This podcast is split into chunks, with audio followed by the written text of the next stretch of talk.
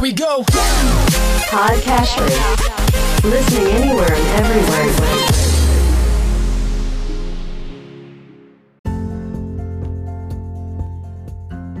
Welcome to Weekly Investment Podcast bersama saya Ferdian Syahputra dari Ispring Investment Indonesia untuk Prudential Indonesia.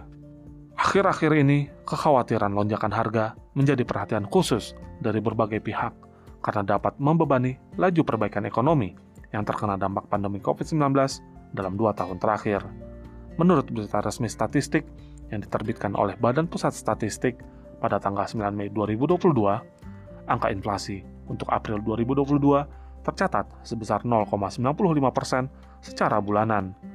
Angka ini tertinggi sejak Januari 2017, sementara secara tahunan mengalami peningkatan 3,47 persen.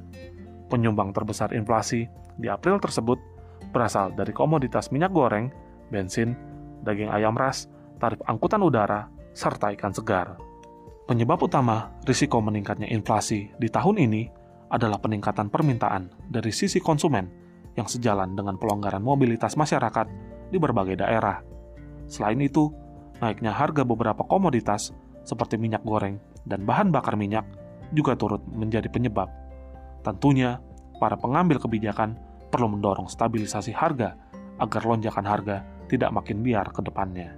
Melihat lonjakan harga di April lalu, Bank Indonesia menyatakan bahwa inflasi tersebut masih tetap terkendali meskipun seluruh komponen inflasi mengalami kenaikan.